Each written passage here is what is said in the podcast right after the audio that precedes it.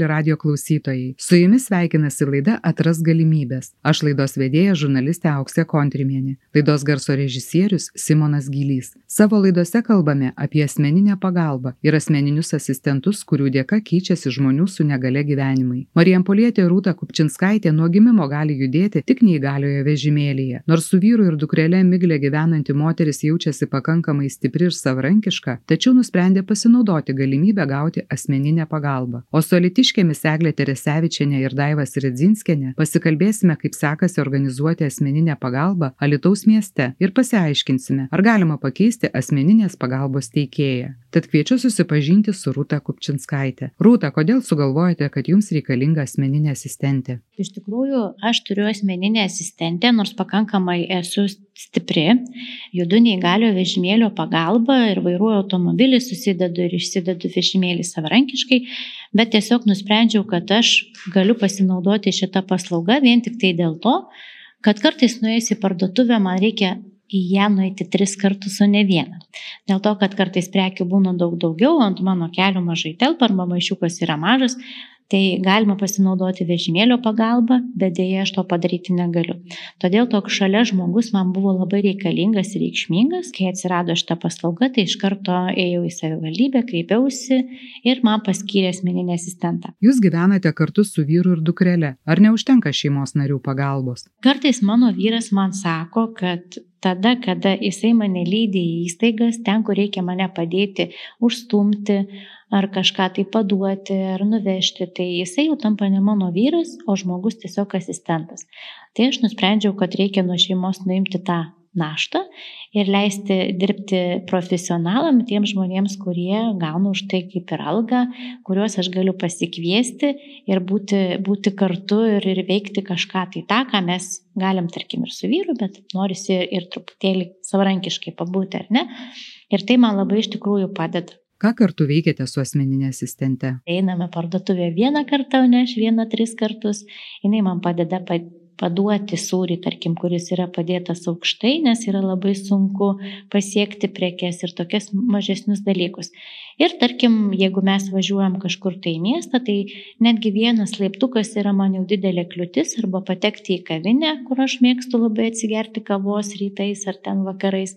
Tai tiesiog tas mažas laiptukas jai nesudaro didelio rūpešio, bet man jau yra kliūtis, kurią man reikia įveikti. Tai va ta kliūtis man padė, pa, pa, padeda įveikti yra labai geras dalykas. Tai nuostata neleisti šeimos nariams ar timiems giminaičiams dirbti asmeniniais asistentais jums atrodo teisinga? Aš pasakyčiau netgi labai teisingas. Tai mes kartais žmonės su negale tikrai savo artimiesiems paprieštaraujam, ar ne? Ir norim, kad jau mus ten tikrai apliektų, apšoktų, padėtų ten, kur galbūt ir nereikia. Nu, mamiškas toks instinktas, ar ne? Artimo žmogaus.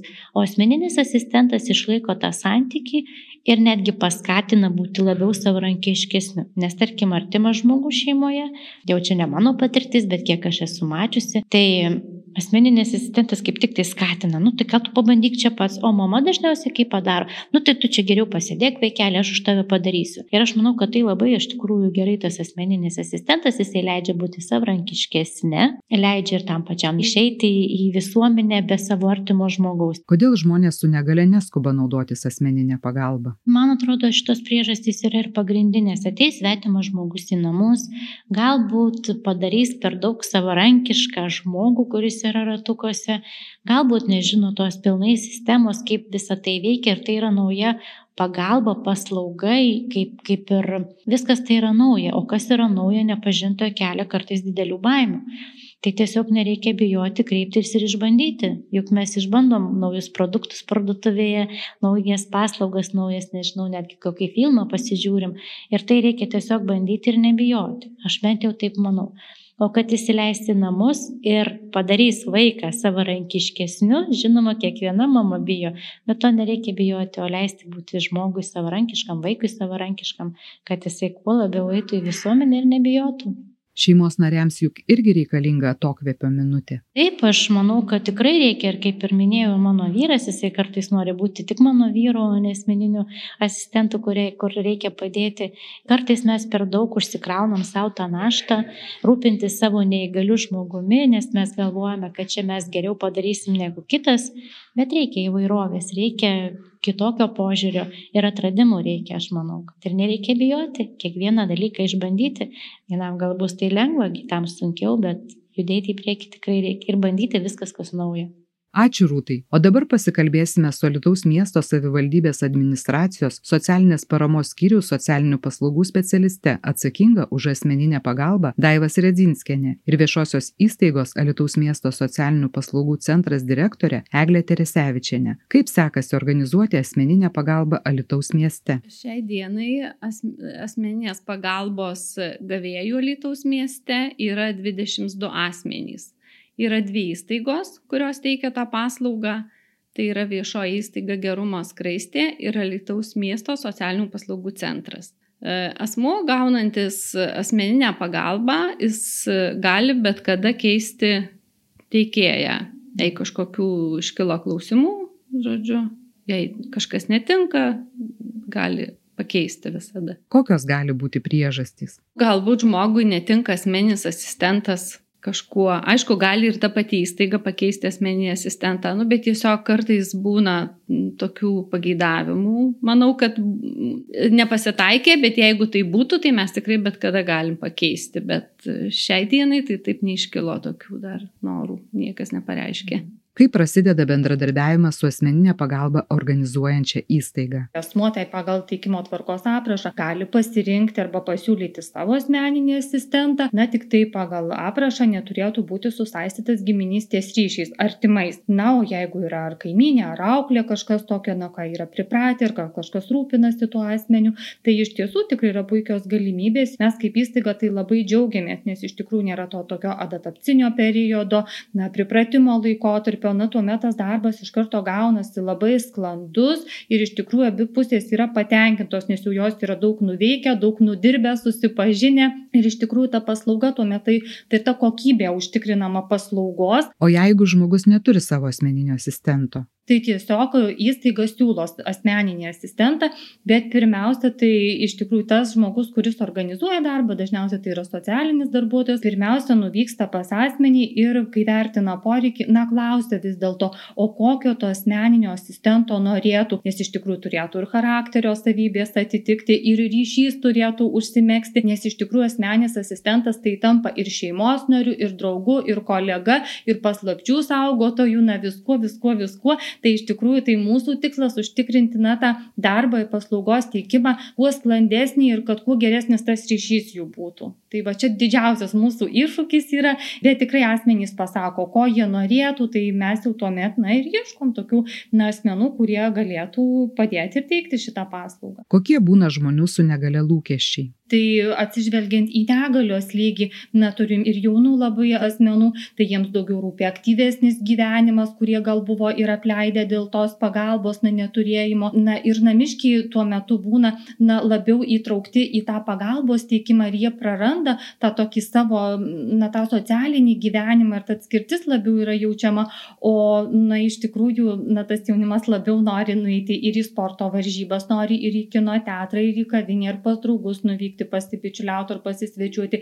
Vyresnio amžiaus žmonių mes taip pat turim, tai iš tiesų tai jau čia labiausiai yra reikalinga pagalba būtyje, kartu pabendrauti, pasišnekučiuoti, na iš tikrųjų ir kavos podelį arbatos atsigerti, bet iš tiesų na, mes ką jaučiam, jie labai vienas prie kito pripranta ir labai laukia, iš tikrųjų tikrai labai laukia ateiti, pasikalbėti, pabendrauti, na ir tuomet, na ir šeimoje tas ryšys, aš sakyčiau, toksai būna tada, na kiekvienas žino tada tas savo tokias pareigas pareigas ir funkcijas, nes gali tikrai kiti grįžti į savo socialinį gyvenimą, užsiimti kažkokiu aktyvesniu laisvalaikiu ar netgi mėgstamą veiklą nueiti. Tai na, to asmeninio asistento tai na, tik privalumai tie, kurie naudojasi, tai mes tikrai labai išgirstam tų tokių gerų žodžių, na, tikrai džiaugiamės, kad galim, kad tas asmeninis asistentas jis yra reikalingas ir iš tikrųjų, nu, kad jis yra laukiamas.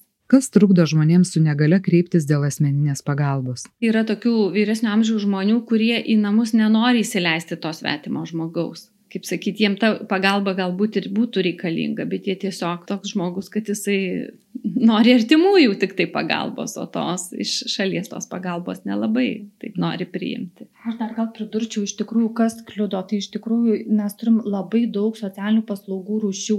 Tai iš tikrųjų žmonės tikrai mielai naudojasi ir pagalbos į namus paslaugų, dienos socialinė globa namuose, bet tie, kurie na, nenori, kad asmeninis asistentas konkrečiai namuose būtų jų namų aplinkoje, tai iš tikrųjų yra dienos socialinė globa institucijoje, yra ir nevairios, nevyriausybinės organizacijos, kurios teikia paslaugas nemokamai, ten organizuojamas tikrai labai produktyvus laisvalaikis, na, užimtumo veiklos labai įvairios yra.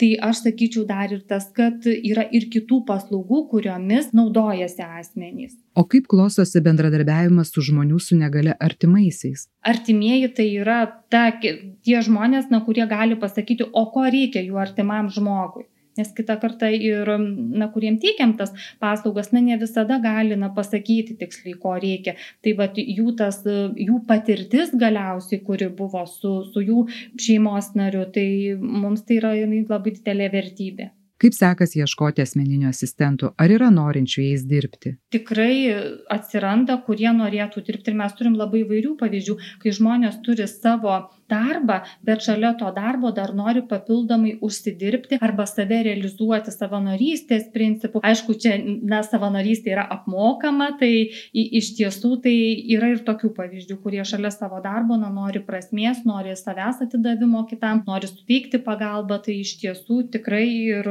yra tokių miestelėnų, na, kurie irgi šitam darbę mato tikrai begalinę prasme ir pas mus gal savivaldybė, na, mūsų įstaigai, tai netenka susidurti na, su tokia situacija, kad nėra, niekas nenori ir negalvoja padėti. Tikrai ne. O dėl tos pačios skaitos, ne pas mus nėra tos tokios skaitos, kad prašo asmeninis asistentas pakeisti, bet iš tikrųjų būna taip, kad atsitinka gyvenimas yra gyvenimas ir atsitinka įvairių situacijų. Na pavyzdžiui, asmeninis asistentas ir išvyksta galbūt ir į užsienį dirbti, ar pakeičia savo gyvenamą vietą, tai jau būtent asmo kaip ir netenka asmeninio asistento, tačiau kažkaip mūsų ne, neilgoj toj praktikoj tikrai pavyksta labai greitai surasti asmeninį asistentą ir tiesiog kol kas tai sklandžiai sekasi tikrai. Koks atgalinis ryšys su asistentais, ką jie pasakoja apie savo patirtis? Turim vieną na, paslaugos gavėją, kuris studijuoja Kaune, o gyvenama vieta yra Lietuvos mieste ir asmeninis asistentas yra iš Lietuvos miesto. Tai iš tiesų tai irgi na, toks nemažas iššūkis yra ir dėl to pačio kontrolės mechanizmo, kaip patikrinti, ar tikrai atliepia tas paslaugas ir ar, ar viskas sąžininkai vyksta. Tai iš tiesų, na, visų pirma, tai darbas yra tie žmonės, kurie organizuoja darbą ir kurie teikia e, būtent tą paslaugą, tai yra grįsta, žinokit, labai abipusių pasitikėjimų. Ir turim vieną va, situaciją, kai paslaugos gavėjas na, išreiškė mums tokį pastebėjimą savo asmeniam asistentui, kad jis ne, neturi įgūdžių ir gebėjimų ar neturi žinių naudotis kopikliu, laiptų kelimo kopikliu. Tai iš tikrųjų tikrai kreipė ir mums pasakė, iš tikrųjų asmeninė asistentė ir, ir iš tikrųjų kartu radom sprendimą, mes kaip įstaiga nupirko mokymus ir dabar tas ta asmeninė asistentė na, mokosi, kaip naudotis laiptų kopikliu.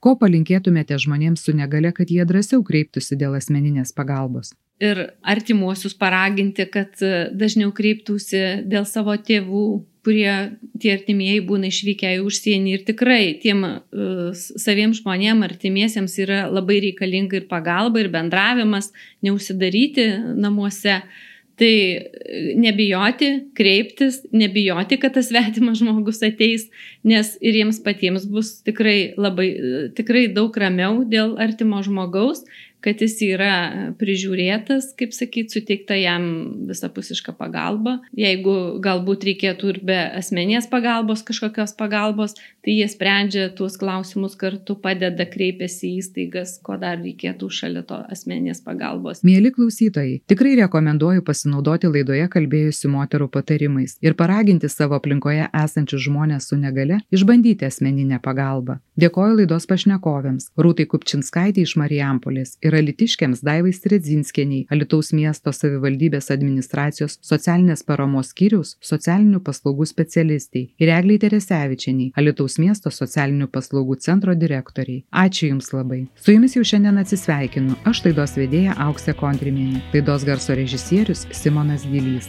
Kampaniją Atras galimybės inicijuoja neįgalių reikalų departamentas prie socialinės apsaugos ir darbo ministerijos. Daugiau informacijos apie asmeninės pagalbos teikimą ir šios bei kitų laidų įrašų ieškokite neįgalių reikalų departamento svetainėje ndt.lt bei Facebook paskyroje. Iki kito karto.